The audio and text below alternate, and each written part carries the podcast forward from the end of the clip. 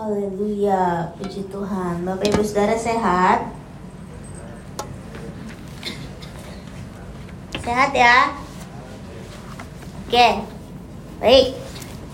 Eh, tema firman Tuhan bulan ini adalah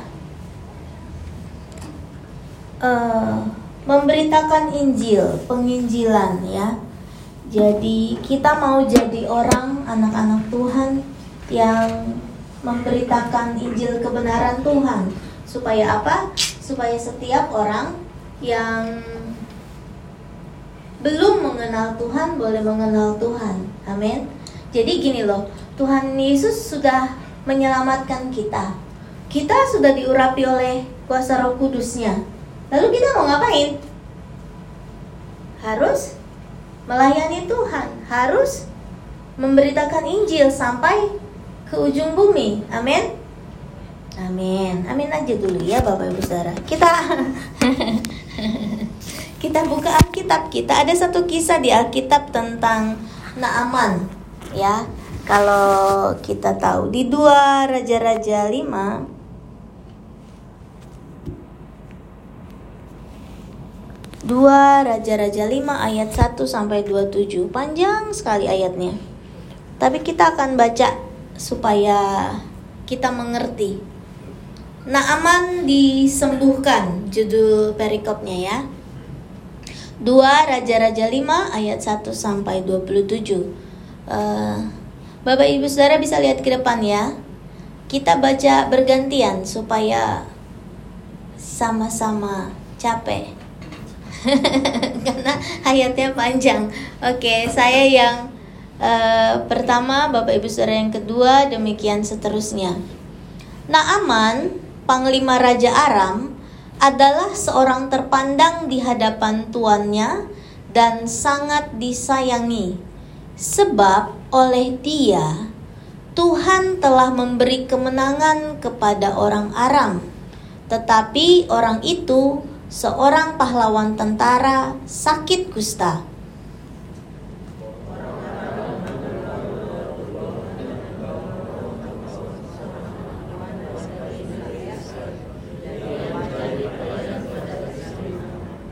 Berkatalah gadis itu kepada nyonyanya, Sekiranya tuanku menghadap nabi yang di Samaria itu, maka tentulah nabi itu akan menyembuhkan dia dari penyakitnya.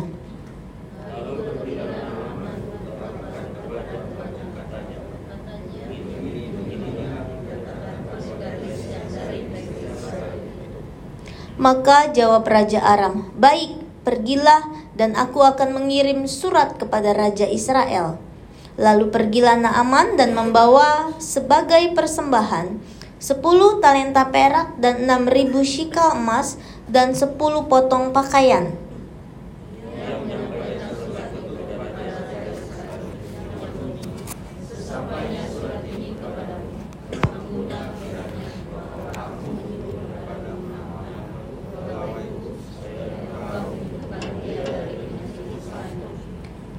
Segera sesudah Raja Israel membaca surat itu, dikoyakkannya lah pakaiannya serta berkata, Allahkah aku ini yang dapat mematikan dan menghidupkan, sehingga orang ini mengirim pesan kepadaku supaya ku sembuhkan seorang dari penyakit kustanya? Tetapi sesungguhnya perhatikanlah dan lihatlah, ia mencari gara-gara terhadap aku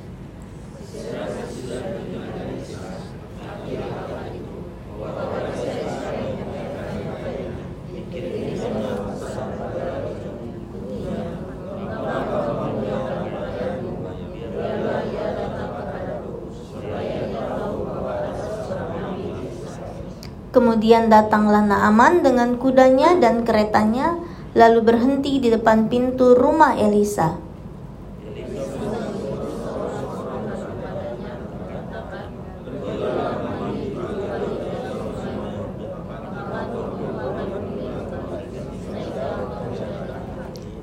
Tetapi pergilah Naaman dengan gusar sambil berkata, Aku sangka bahwa setidak-tidaknya ia datang keluar dan berdiri memanggil nama Tuhan Allahnya, lalu menggerakkan menggerak-gerakkan tangannya di atas tempat penyakit itu dan dengan demikian menyembuhkan penyakit kustaku.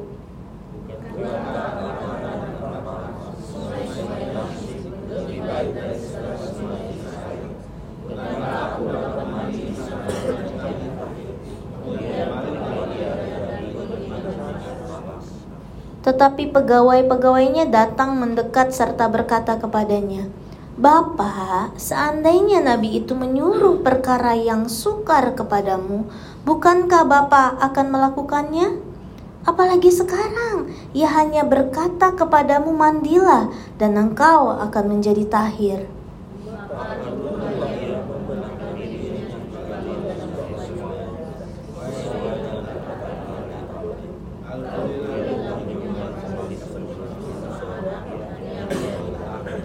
Kemudian kembalilah ia dengan seluruh pasukannya kepada abdi Allah itu. Setelah sampai, tampillah ia ke depan Elisa dan berkata, "Sekarang aku tahu bahwa di seluruh bumi tidak ada Allah kecuali di Israel. Karena itu terimalah kiranya suatu pemberian dari hambamu ini."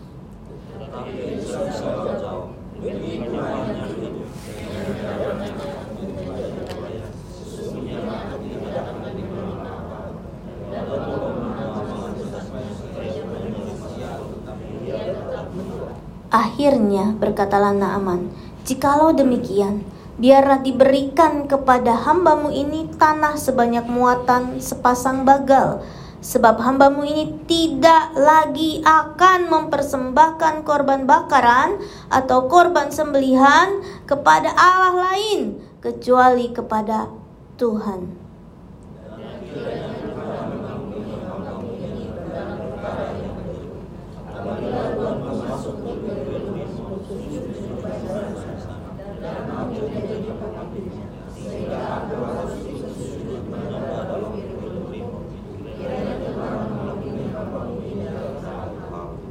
Maka berkatalah Elisa kepadanya, "Pergilah dengan selamat."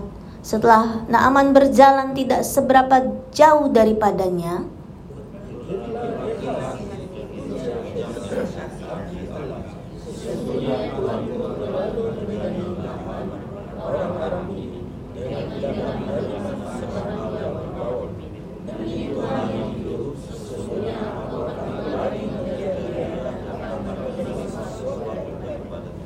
Lalu Gehazi mengejar Naaman dari belakang. Ketika Naaman melihat ada orang berlari-lari mengejarnya, turunlah ia dengan segera dari atas kereta untuk mendapatkan dia dan berkata, "Selamat."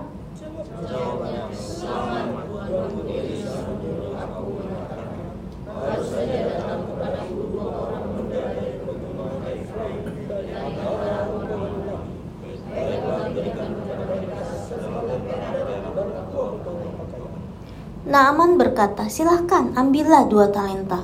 Naaman mendesak dia dan membungkus dua talenta perak dalam dua pundi-pundi dan dua potong pakaian, lalu memberikannya kepada dua bujangnya. Mereka ini mengangkut semuanya di depan Gehazi.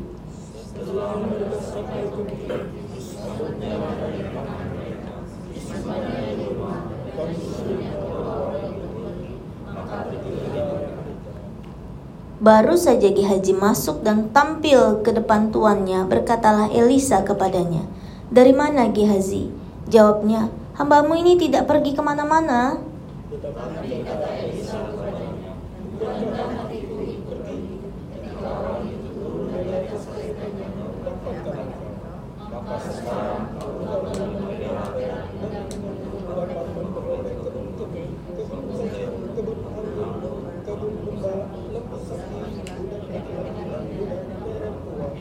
Tetapi penyakit kusta Naaman akan melekat kepadamu dan kepada anak cucumu untuk selama-lamanya.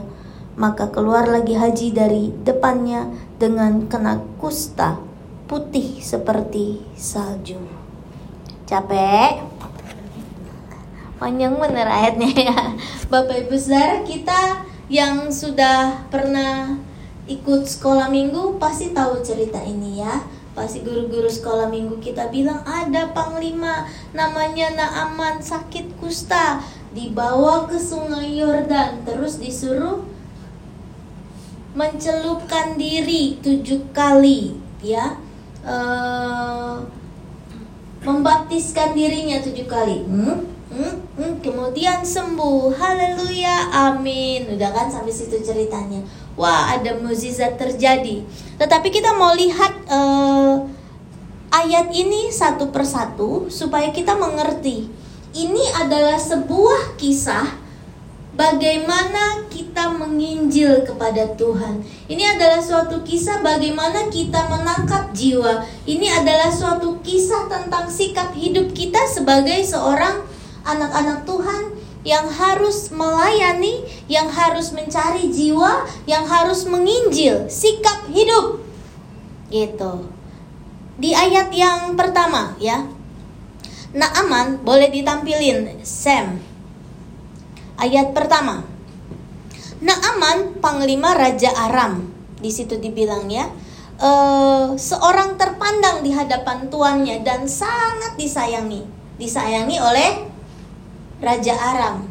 Yang menarik adalah begini, sebab oleh dia Tuhan memberikan kemenangan kepada orang Aram. Pertanyaannya adalah, apakah Naaman orang yang percaya kepada Allah?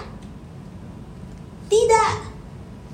Tapi kenapa oleh Naaman maka Aram menjadi menang? Dan Aram adalah musuhnya peperangan dengan bangsa Israel kok Tuhan memberikan kemenangan melalui Naaman, memberikan kemenangan kepada Aram melalui Naaman, Naaman yang bukan orang percaya kepada Tuhan. Ada sesuatu yang menarik di sini. Jadi Alkitab bilang bahwa kalau di lagu sekolah minggu, Yesus cinta semua bangsa, merah, kuning, hitam, hijau, Hulk kali ya. Semua dikasih Tuhan ternyata begini Bapak Ibu Saudara, uh, ada rencana Tuhan dalam setiap kehidupan manusia. Amin. Ada rencana Tuhan dalam setiap kehidupan manusia. Entah orang yang sudah percaya kepada Tuhan maupun yang tidak. Jadi Tuhan tidak iseng gitu ah. Ciptain ah uh, John ah gitu. Ciptain ah uh, Rosna ting gitu. Nggak begitu. Oh biar aja deh tuh dia hidup hidup mati mati terserah. Nggak begitu. Setiap kali Tuhan menciptakan manusia setiap kali Tuhan menciptakan sesuatu di dunia ini ada maksudnya ada tujuannya ada rencana Tuhan yang besar. Sekalipun sebelumnya kita tidak mengenal Tuhan. Mungkin dari keturunan yang bukan mengenal Tuhan yang tidak mengenal Tuhan. Ada yang sudah menjadi Kristen, Kristen keturunan. Dari nenek moyangnya sudah Kristen, makanya saya Kristen, gitu ya. Tapi tidak mengenal Tuhan dengan baik. Hari ini saya mau bilang bahwa kalau Naaman orang yang tidak mengenal Tuhan, tetapi Tuhan punya maksud baik, Tuhan punya rencana besar atas kehidupan Naaman, yaitu apa? Supaya Naaman diselamatkan sebelum Naaman diselamatkan untuk percaya kepada Allah Israel kepada Tuhan melalui Naaman Aram musuhnya bangsa Israel terus menerus menang. Kadang kan kita suka bertanya Tuhan itu ya sambil keluar air mata Kenapa orang yang tidak percaya engkau lebih diberkati? Kenapa orang yang malas pelayanan lebih diberkati? Kenapa orang yang jauh dari Tuhan lebih aman hidupnya daripada saya yang melayani Tuhan, daripada saya yang hidup takut akan Tuhan, daripada saya yang sudah Kristen sejak masih zigot sedang sejak masih belum berbentuk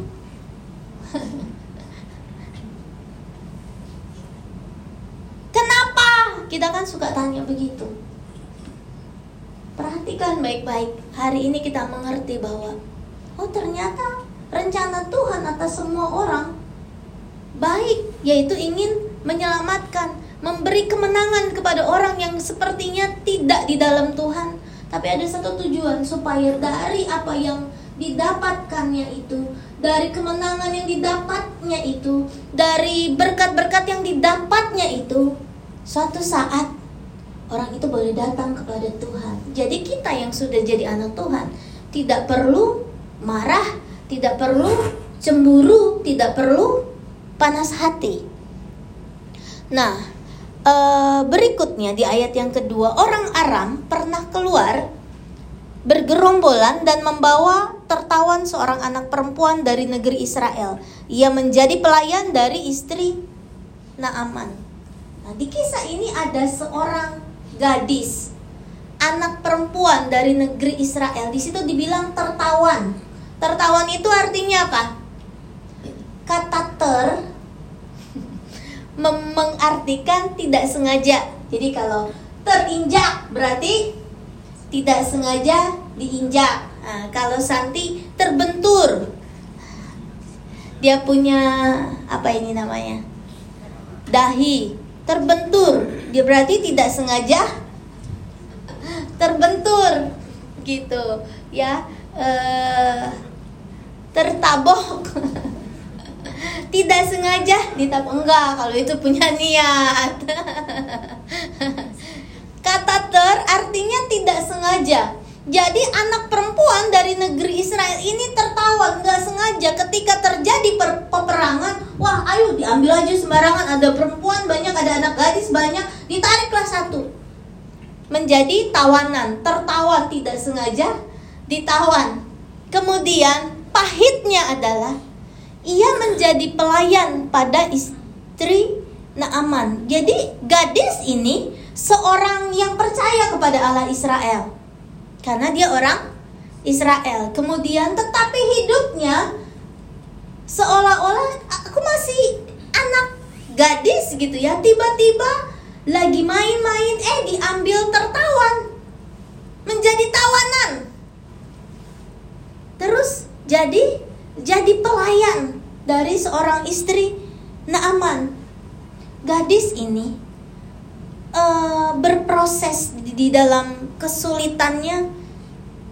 Dan walaupun dia seorang tawanan kita tuh kalau jadi seorang tawanan kan nggak mungkin happy terus jadi pelayan di istri Naaman gitu ya seorang uh, panglima.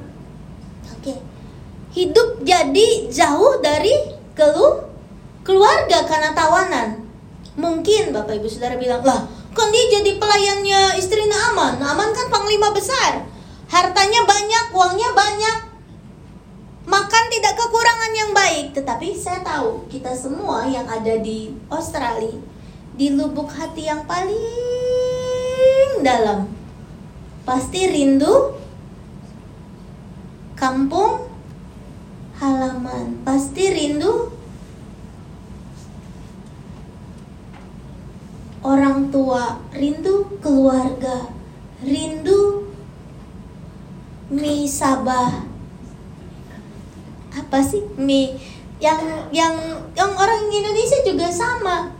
Kita bisa makan noodle di sini. Nggak seenak noodle yang di Indonesia yang dicampur dengan debu jalanan gitu ya. Keringat abang-abang yang jualnya gitu ya sambil pegang habis lap keringat dia pegang ambil noodlenya dimasukin ke mangkok itu yang bikin enak gitu ya ada kerinduan terdalam. Betul nggak gitu? Kan di sini kita diajar suruh higienis banget gitu. Oh, padahal di kampung halaman kita makan yang begitu enggak lo campur itu kadang-kadang bapak ibu saudara tahu ya cucur kalau di Indonesia bak, go, gorengan gitu dijual di pinggir jalan kadang-kadang dengan mata kepala konsumennya itu ditaruh ini tuh uh, aluminium foil, hmm, biar garing katanya. Digoreng-goreng, aluminiumnya habis gitu. Baru dimasukin tempe, cucur sayur, oh, terus kita makan aja, kita makan itu aluminium foil ya. Uh, dan crispy gitu. Ada kerinduan yang tidak bisa kita bendung dengan kampung halaman, keluarga dan sebagainya. Nah, gadis ini juga hal mengalami hal yang sama. Tetapi di tengah-tengah segala kesulitan yang dihadapinya, dia tidak lupa untuk tetap bersaksi tentang Allah Israelnya meskipun dia ditawan. Kadang kita nih ngerasa oh hidup saya baik-baik aja, ya udahlah. Melayani Tuhan adalah tugas orang-orang yang dipanggil Allah. Memberitakan Injil adalah tugas-tugas pendeta tuh yang sekolah Alkitab tuh. Memberita mencari jiwa-jiwa memberitakan Injil itu tugas orang-orang yang sudah didoakan ditaruh ke tangannya Pastor Max Merun tuh ditaruh gitu ya, ditaruh Pastor uh, Presiden Foursquare sampai ke situ dikasih minyak. Itu tugasnya mereka. Saya, tugas saya bekerja, menyanyi, muji ke gereja, ibadah that's enough gitu. Gadis ini tidak kekurangan makan dan minum karena ada di rumah Gehazi yang kaya, kaya raya, panglima yang kaya. Tapi di tengah kesepiannya, di tengah prosesnya, dia ingat untuk tetap menjadi saksinya Tuhan. Nah, ada raja Aram, ya, Raja Aram ini ketika Gehazi bilang, "Eh, ada anak gadis dari Israel tawanan bilang bahwa aku akan bisa disembuhkan oleh nabi dari Israel." Nah, Raja Aram ini menggunakan kekuasaannya untuk mengirim surat kepada uh, Raja Israel supaya raja menyembuhkan Naaman dari kustanya. Bapak Ibu Saudara, uh, karena begitu dikasihinya uh, Gehazi, maka sampai raja turun tangan. Dan ini menceritakan tentang apa sih? Mengirimkan surat-surat kenegaraan antara Australia dengan Indonesia atau Australia dengan Malaysia. Jadi ini menyangkut dua negara. Hanya karena satu orang kusta, yaitu Na Naaman. Orang yang tidak percaya kepada Tuhan, tapi Tuhan punya rencana besar atas kehidupannya. Perhatikan baik-baik. Naaman ditulis namanya di dua raja-raja ini. Tapi gadis kecil itu yang menceritakan tentang Tuhannya, tentang Allahnya, cuma ditulis anak perempuan. Padahal kalau tidak ada anak perempuan ini, Naaman tidak akan pernah dengar kabar, mendengar kabar bahwa di Israel ada Nabi Elisa. Tidak akan mendengar kabar bahwa ada nama Tuhan yang bisa menyembuhkan sakit kustanya. Tetapi nama gadis ini tidak tertulis di Alkitab. Cuma anak perempuan dari negeri Israel. Naaman ditulis besar-besar namanya. Dicatat kisahnya, diceritakan sepanjang zaman.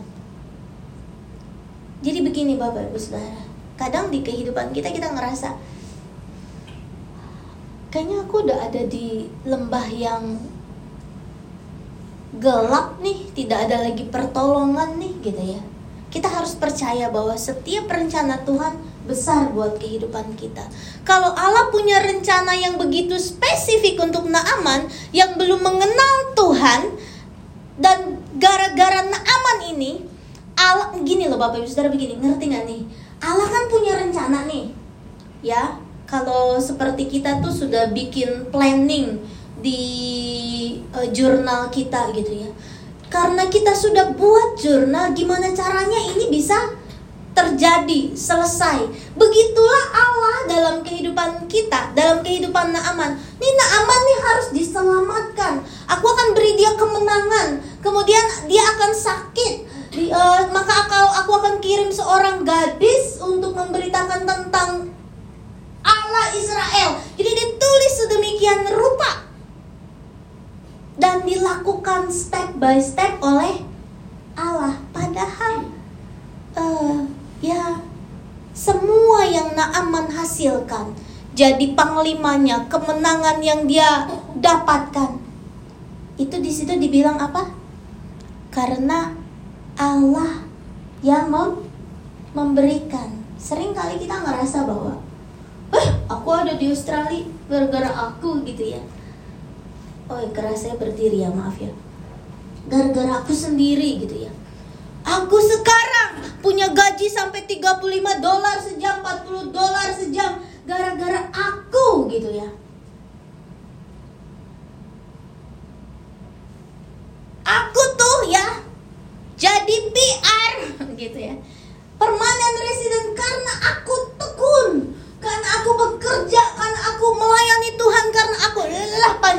panjang lah sebut sendiri sehingga kita lupa bahwa ada Allah yang menuliskan jurnal di jurnalnya Allah sedetil itu supaya kita punya kehidupan yang maksimal. Amin. Amin. Ada Allah yang bekerja di belakang kita yang menuliskan sebegitu indahnya. Dengan berbagai cara dikirimkanlah ini uh, gadis kecil yang tertawan yang yang namanya pun di Alkitab nggak tertulis sampai menggerakkan seorang raja untuk menuliskan surat hubungan membuka hubungan apalah bila kelar bila teral dan sebagainya supaya terjadi koneksi supaya Naaman sembuh. Jadi bayangin kalau Tuhan sudah punya rencana, Allah bisa menggerakkan satu kerajaan untuk mencapai tujuan besarnya Allah. Jadi jangan main-main sama Allah. Jangan main-main sama Tuhan. Terus kita pikir, ah oke okay lah, saya lakukan apa yang bisa saya lakukan. Hey, Allah punya rencana yang begitu besar atas hidupmu. Dia sudah menuliskannya dengan sangat detail. Kitab Mazmur bilang apa? Selagi engkau bakal anak, aku sudah melihat engkau. Terus dibilang apa lagi? Hari-hari dalam hidupmu sudah aku sudah aku tuliskan. Sudah Tuhan tuliskan. Dan Alkitab bilang apa lagi? Tidak ada satupun rencana Tuhan yang akan gagal. Ini yang mesti kita mengerti. Bapak Ibu Saudara yang menarik di sini adalah Naaman ya.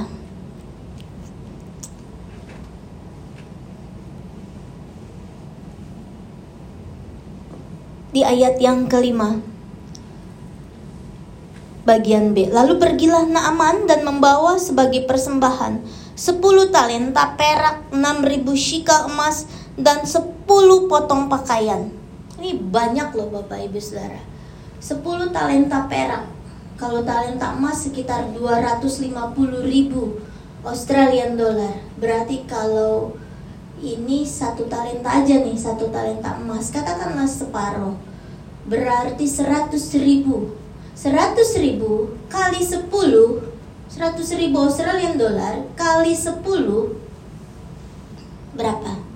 enam ratus ribu dolar Australia enam ribu shikal emas banyak yang dibawa nah aman untuk sembuh dari kusta untuk dipersembahkan kepada Nabi Elisa. Banyak banget ya. Tapi saya nggak mau ngomongin banyaknya. Tetapa, eh, betapa kalau Tuhan sudah punya rencana, betapa besar, betapa detail yang Tuhan lakukan.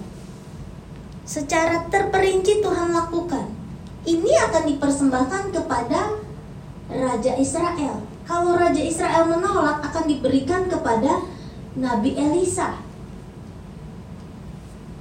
Jadi Tuhan tuh mengerjakan sesuatu dengan sangat detail.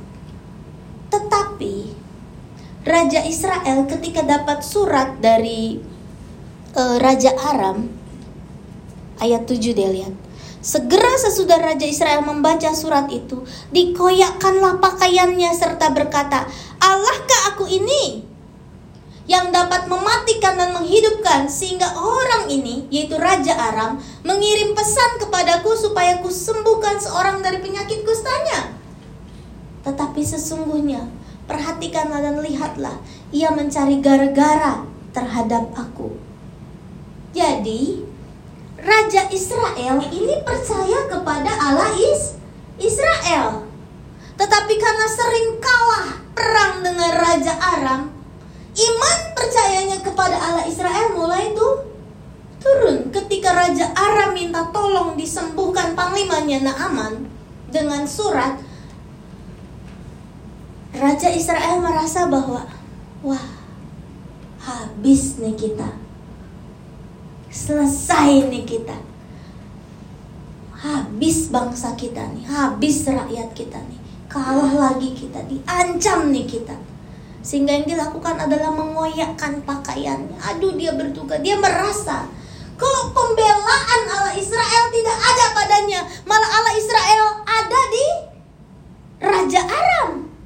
Kita sering ngerasa begitu kan? Ah, tiada lagi pertolongan buat aku. Aku melayani Tuhan, aku menyembah Tuhan, aku berbuat baik, tetapi Allah tidak ada di pihakku. Ini yang dirasakan oleh raja Israel. Kemudian dia marah lagi, Allah ke aku ini? Hei, engkau bukan Allah, tetapi engkau raja, engkau Allah, engkau raja yang punya Allah is Israel. Dia jadi lupa identitasnya, dia seorang raja yang punya Allah is Israel. Kita sering begitu kan? Kita lupa Allah yang berkuasa. Terus mulai dia kena apa tuh? Berasumsi. Wah, di ayat ya di yang terakhir tuh dibilang sesungguhnya perhatikanlah, lihatlah ia mencari gara-gara terhadap aku berasumsi, berpikir negatif. Ah, ini orang cari gara-gara sama gue. Cuma mau bikin perang, mau bikin itu yang sering terjadi ketika kita menghadapi sesuatu yang tidak kita harapkan. Ketika kita sedang dalam ketakutan, ketika kita sedang merasa Allah tidak ada di pihak kita, kita membuat merasa bahwa semua orang cari gara-gara sama kita kalau bahasanya Rika cari pasal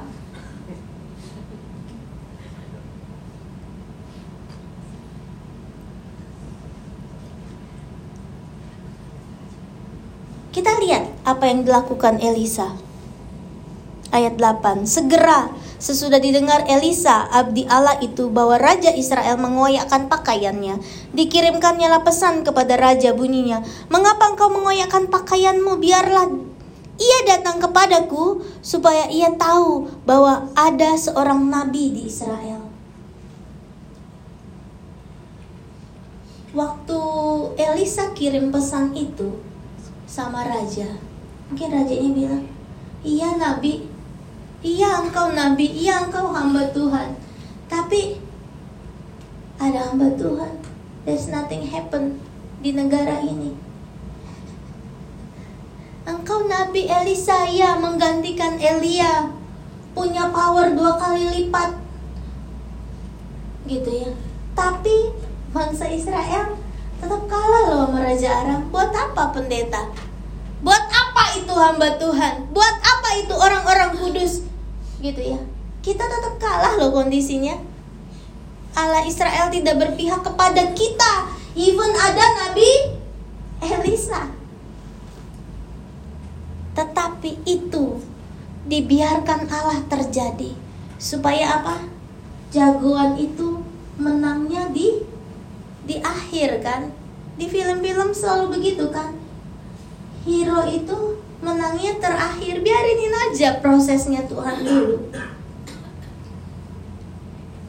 Even sekalipun Elisa di dianggap tidak berfungsi sebagai nabi Allah saat itu karena Israel berkali-kali kalah melawan peperangan dengan Raja Aram, bangsa Aram. Tapi Nabi Elisa tetap menjalankan fungsinya. Dia kasih penghiburan sama Raja Israel. Mengapa engkau mengoyakkan pakaianmu? Biarin Naaman itu datang. Supaya ia tahu bahwa ada Nabi. Maksudnya apa? Supaya Raja juga tahu masih ada Allah yang hidup di Israel ini. Nabi Elisa menghibur Raja Israel mencoba menolong Raja Israel dengan caranya Tuhan, menyembuhkan Naaman, melindungi Aram dan Israel dari pepe, peperangan. Oh, ternyata rencana Allah besar loh setelah sekian lama Israel mengalami kekalahan dari Aram. Rencana Allah tuh besar, cuma prosesnya panjang. Nah, Naaman ya. Ketika ada di depan rumah Elisa ayat 10 di situ dibilang Elisa menyuruh orang suruhannya mengatakan Pergilah mandi tujuh kali dalam sungai Yordan maka tubuhmu akan pulih kembali sehingga engkau menjadi tahir. Bapak ibu saudara bayanginnya begini. Ada orang nih ketok-ketok rumah Bu Debi tok tok tok tok tok tok tok tok tok tok tok tok tok tok tok tok Bu nggak keluar yang keluar asistennya sayang saya nggak punya asistennya ceritanya ada asistennya lah ya keluar eh kamu kenapa mau minta doa supaya kesembuhan oh ya udah kamu sana ke sungai Yara berendam tujuh kali oke okay? kan kayak gitu ceritanya terus kalau Naaman kesel wajar kan? Kurang ajar dia. Udah selama perang sama Aram kalah terus. Nabi yang sekian lama tidak berfungsi apa-apa. Di aku nih panglima loh ya. Aku nih panglima gitu. Dihormati aku punya tawanan dari bangsamu tuh. Di rumahku tuh ada loh budak gitu ya. Nabi apa sih ini nggak mau keluar? Hamba Tuhan apa sih ini nggak mau keluar? Pendeta apa sih ini nggak mau keluar nggak mau mendoakan dan taruh. Makanya Naaman bilang setidaknya dia keluar taruh tangannya goyang-goyangin gerak algazam algazam gitu ya sembuh gitu. Enggak. Keluar sana mandi tujuh kali. Di situlah Naaman merasa tidak puas hati. Di situlah Naaman menggunakan logikanya sungai Yara lebih bagus sungai-sungai yang ada di Kinabalu Sabah airnya jernih, ada ikan berenang kelihatan. Yara tuh kotor, coklat. Apalagi kalau yaranya yang udah sampai ke Mildura, coklat. Ikan aja mabok di Mildura.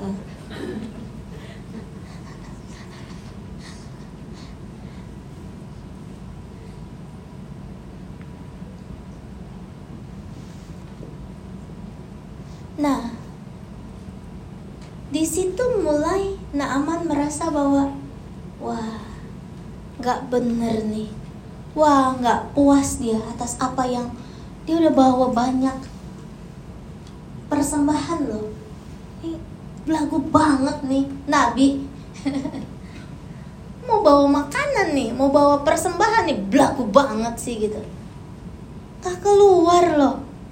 Jangan nyelam aja.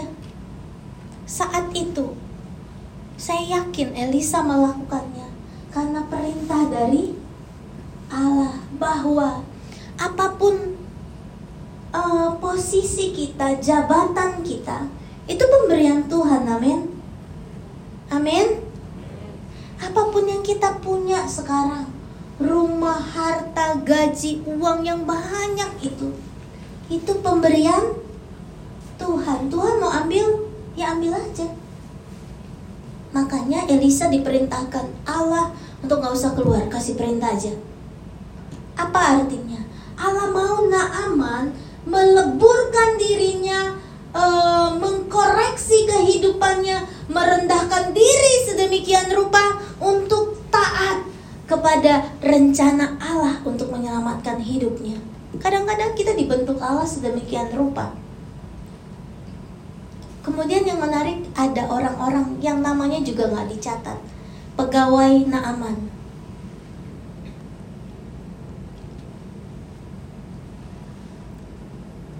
Di ayat 13. Pegawai Naaman, namanya nggak ditulis, cuman pegawai Naaman sama seperti gadis anak perempuan dari Israel pegawai-pegawainya datang mendekat. Jadi dia datang ke Israel bawa pegawai-pegawainya, orang yang bukan sembarangan. ya. Kan kita kalau kalau saya gitu pergi ayo uh, kita pelayanan uh, Pastor John Pastor Emi beserta istri dan anak-anaknya. Ayo kita pelayanan. Kita pergi ke hmm, mana yang jauh? Hmm, Amerika. Yalah, keren banget deh ayo kita pergi uh, dibawa tuh. Buset ke Amerika bawa-bawa orang baik banget itu. Besok bawa ke Sydney aja banyak banget ribet gitu kan. Ini ada di bawah pegawainya seperti uh, sebuah ya se, ya itulah pemerintahan yang mengutus orangnya dengan pegawai-pegawainya bukan main-main tapi pegawainya ini bilang, Bapak, seandainya Nabi itu suruh perkara yang sukar, bukankah Bapak akan melakukannya? Apalagi sekarang, cuma berkata mandi, mandi aja, apa susahnya sih mandi? Nyemplung aja. Tahu gak sih saudara nyemplung?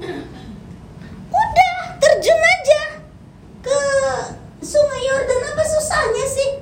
Kalau misalkan Nabi itu suruh kamu persembahkan lebih daripada 10 talenta perak, lebih daripada 6000 sikal perak, bukankah Bapak akan mengusahakannya? Iya, karena mau sembuh dari penyakit kusta. Penyakit kusta itu suatu penyakit yang gak boleh didekati oleh siapa pun.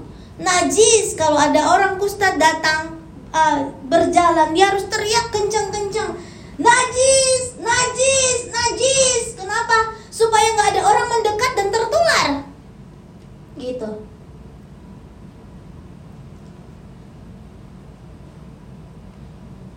ternyata ada momen di mana uang bukan segala-galanya.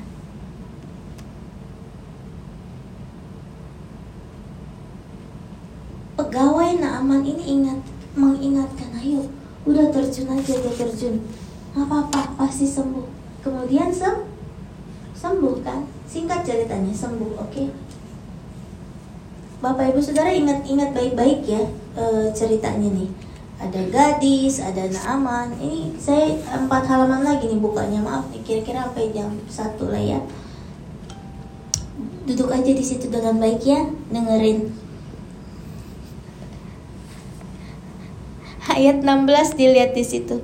Tetapi Elisa menjawab, "Demi Tuhan yang hidup yang di hadapannya aku menjadi pelayan, sesungguhnya aku tidak akan menerima apa-apa, walaupun Naaman mendesaknya supaya menerima sesuatu, ia tetap menolak." Jadi setelah Naaman sembuh, Naaman mau kasih semua nih. 10 talenta perak, 6000 sikal yang dia bawa Dia mau kasih. 10 pakaian dia mau kasih sama Nabi Elisa. Tapi dibilang enggak. Enggak usah. Di situ dibilang apa? Aku menjadi pelayan. Sesungguhnya aku tidak akan menerima apa-apa. Kata tidak akan artinya ini Elisa memutuskan sendiri. Dia boleh terima nggak itu? Boleh. Dia boleh terima itu nggak? Boleh. Kalau saya ada pada situasi Elisa, oh saya buka pintu rumah lebar-lebar. Oh masukin. Karena waktu itu harus dibawa loh. Kan, ayo masukin, masukin, masukin. Ada, oh kalau perlu kamar yang paling atas kosongin, kosongin, taruh di situ gitu. Tapi sekali lagi, kenapa Elisa nggak melakukan? Karena Allah kasih tahu, jangan terima apa-apa. Akhirnya Elisa bilang, aku tidak akan menerima apa-apa. Walaupun didesak, aku nggak akan terima apa-apa. Kenapa? Karena aku ini pe pelayan, pelayan Tuhan. Nah, saudara, kemudian karena perkataan Elisa itu di ayat 17 di situ dibilang Berkatalah Naaman, jikalau demikian, biarlah diberikan kepada hambamu ini tanah sebanyak muatan sepasang bagal, sebab hambamu ini tidak akan mempersembahkan korban bakaran atau korban sembelian kepada Allah lain kecuali Allah Tuhan Allahnya Israel. Jadi karena Elisa yang tidak matre, materialistis, perempuan kan main materialistis, laki-laki juga iya. Banyak kok hamba-hamba Tuhan yang ingin melayani supaya banyak uang. Hamba-hamba Tuhan yang pergi pelayanan berkhotbah ingin dapat uang. Banyak kok. Tetapi hari ini kita belajar Elisa bilang aku nggak mau terima apa-apa. Aku nggak mau terima apa-apa. kan karena hamba Tuhan yang tidak materialistis ini, maka Gehazi bilang, hari ini aku tidak akan mempersembahkan korban bakaran kepada Allah lain selain Allah Israel karena hamba Tuhan ini satu jiwa di diselamatkan ini loh planning besarnya Allah terhadap Naaman. Ini loh jalan cerita sehingga Israel banyak mengalami kekalahan dari Aram. Ini loh jalan cerita yang membuat Elisa tidak dipandang oleh siapa pun hanya untuk Naaman diselamatkan.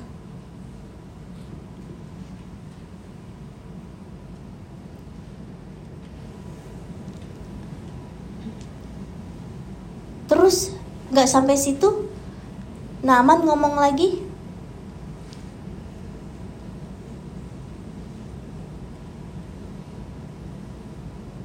dan kiranya ayat 18 Tuhan mengampuni kalau apabila tuanku Raja Aram masuk ke kuil Rimon untuk sujud menyembah dan aku menjadi pengapitnya biarlah Tuhan mengampuni karena aku harus ikut sujud menyembah.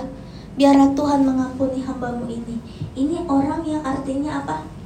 Bukan cuma dia mau menyembah Allah, tapi dia memutuskan diri untuk menjadi pengikut Tuhan yang se setia, yang sungguh-sungguh di dalam Tuhan.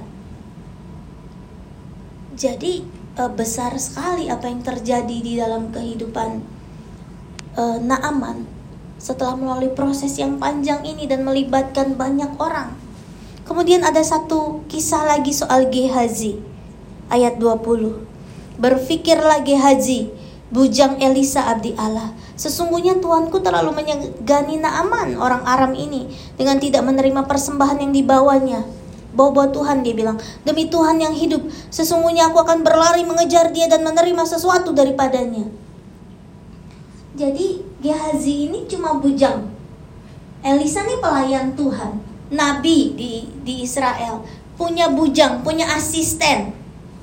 Asistennya ini wah nih pura-pura nih Bapak Elisa nih seaja gitu ya. Ah segan kali gitu. Dia kejar loh Naaman. Dikejar terus dia mengarang cerita. Apa cerita yang dikarang? Baru saja datang padaku dua orang muda dari pegunungan Efraim. Dia bilang begini, Tuanku, Elisa menyuruh aku mengatakan baru saja datang kepadaku dua orang muda dari pegunungan Efraim dan ayat 22 dari antara rombongan nabi, baiklah berikan kepada mereka setalenta perak dan dua potong pakaian.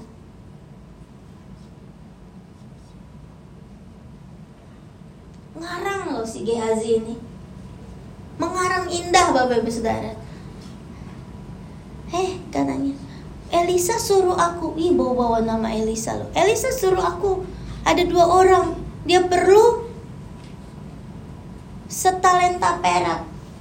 Naaman bawanya berapa tadi? Sepuluh, satu talenta aja, dua potong pakaian. Naaman bawanya berapa? Sepuluh pakaian, dia minta dua. Jadi di pikirannya nih, oh setalenta ya. Kan nah, Naaman bawanya sepuluh, minta satu lah perpuluhan gitu ya. Gitu, setalenta aja gitu ngatur-ngatur loh padahal bukan dia yang layak harusnya Elisa yang layak terima.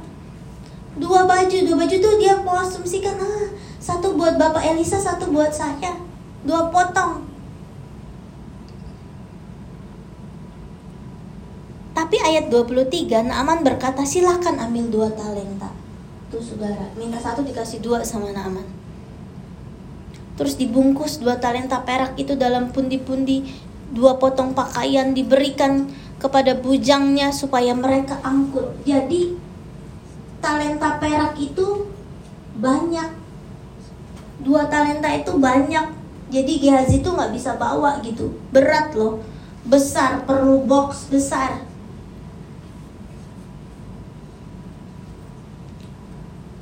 Disimpan di rumah Gehazi waktu itu langsung sampai ke ayat 26 supaya cepat selesai ya.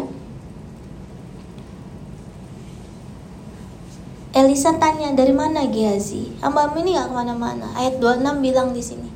Bukankah hatiku ikut pergi ketika orang itu turun dari atas keretanya dan mendapatkan engkau? Bapak Ibu Saudara, kondisi saat itu Elisa memang seorang nabi tetapi sedang ada dalam kondisi terpuruk karena bangsa Israel sering kali kalah perang dengan bang, bangsa Arab.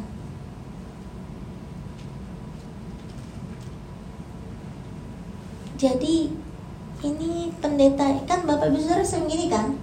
Saya ngerti nih, walaupun uh, saya ngerti kalau ada orang yang merasa begini. Oh iya, uh, Bapak Ibu Debi gembala, tetapi nggak punya karunia kesembuhan kalau nopangin tangan nggak sampai jatuh gitu kan. Uh, saya mau ke gereja yang hamba Tuhannya tuh nopangin tangan terus jatuh. Yang doain pegang terus uh, kanker hilang. Uh, topangin tangan dompet hilang gitu ya. Saya pengen ke gereja seperti itu. Tapi hari ini diajarkan bahwa urapan Tuhan atas setiap hamba Tuhan sah sama. Jadi kalau saya bilang e, pernah Mika ulang tahun aduh sayang ada di Sydney. John aja ya. Sama aja kok didoain. John didoain Ibu Debbie. Sama aja urapannya sama. Sama-sama hamba Tuhan. Didoain Pastor Regi sama aja. Didoain Pastor Emi sama aja udah jadi pastor kok. Urapannya sama kok. Bahkan kalau ini semua pastor nggak ada lagi pergi semua ke Sydney diminta doain sama uh, Rosna doain aja. Urapannya sama kok karena di mata Tuhan urapannya mengalir sama. Nih, perhatikan baik-baik. Maka sekarang engkau telah menerima perak dan dengan itu dapat memperoleh tuh dari dua talenta perak bisa beli apa? Kebun, kebun, kebun jaitun, kebun anggur, kambing domba, lembu sapi, sampai bisa beli budak laki-laki dan budak perempuan. Banyak sekali yang dikorupsi Gehazi.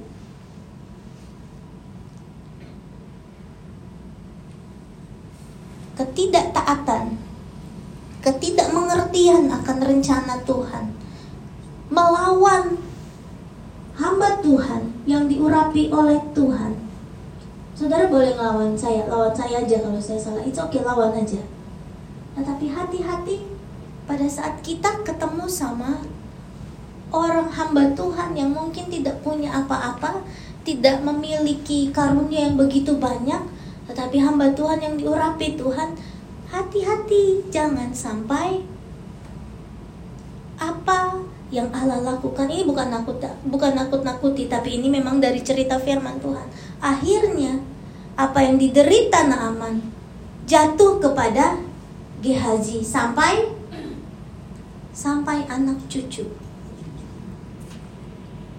Jadi kalau saya jadi Gehazi udah anakku nggak usah kawin nanti cucuku kena kusta kayak aku. Udah anakku udah daripada semoga udah nggak usah nikah aja. Sebegitunya. Bapak Ibu Saudara, saat ini saya mau tanya sama Bapak Ibu Saudara, posisi kita di mana sekarang? Kita semua anak-anak Tuhan, posisi kita di mana? Apakah kita gadis tawanan yang dalam keadaan nyaman, tapi dalam kerinduan yang mendalam terhadap kampung halaman. Hingga kita sibuk berpikir gimana caranya cepat pulang, gimana caranya cepat pulang. Indonesia, Sabah, Indonesia, Malaysia itu aja yang ada di pikiran. Padahal selama kita ada di sini, walaupun di negeri tawanan ini, ada bagian kita harus memberitakan firman Tuhan, bersaksi. Kita nih siapa? Apakah kita pegawai Haman Naaman, pegawai Naaman yang harus menguatkan Naaman yang harus membawa Naaman pada kehendak Tuhan untuk menjadi sembuh. Kita nih siapa? Apa Raja Israel yang punya beban begitu berat mengalami banyak kekalahan sehingga mencurigai Tuhan melakukan yang jahat atas hidup kita. Apakah kita Elisa seorang pribadi yang dalam kekurangan, dalam kelemahan tetap punya integritas? Apakah kita seorang Gehazi yang bukan mencari jiwa, malah mencari pasal, mencari kesempatan untuk melakukan keuntungan pribadi? Kita mau cek hati kita masing-masing supaya kita bisa berfungsi untuk menggenapi kehendak Allah di muka bumi ini yaitu apa? Setiap lidah mengaku Yesus Tuhan, setiap lutut bertelut bahwa Yesus Tuhan. Firman Tuhan sampai di sini kita mau renungkan dengan baik, kita mau cek hati kita masing-masing. Kita ini siapa?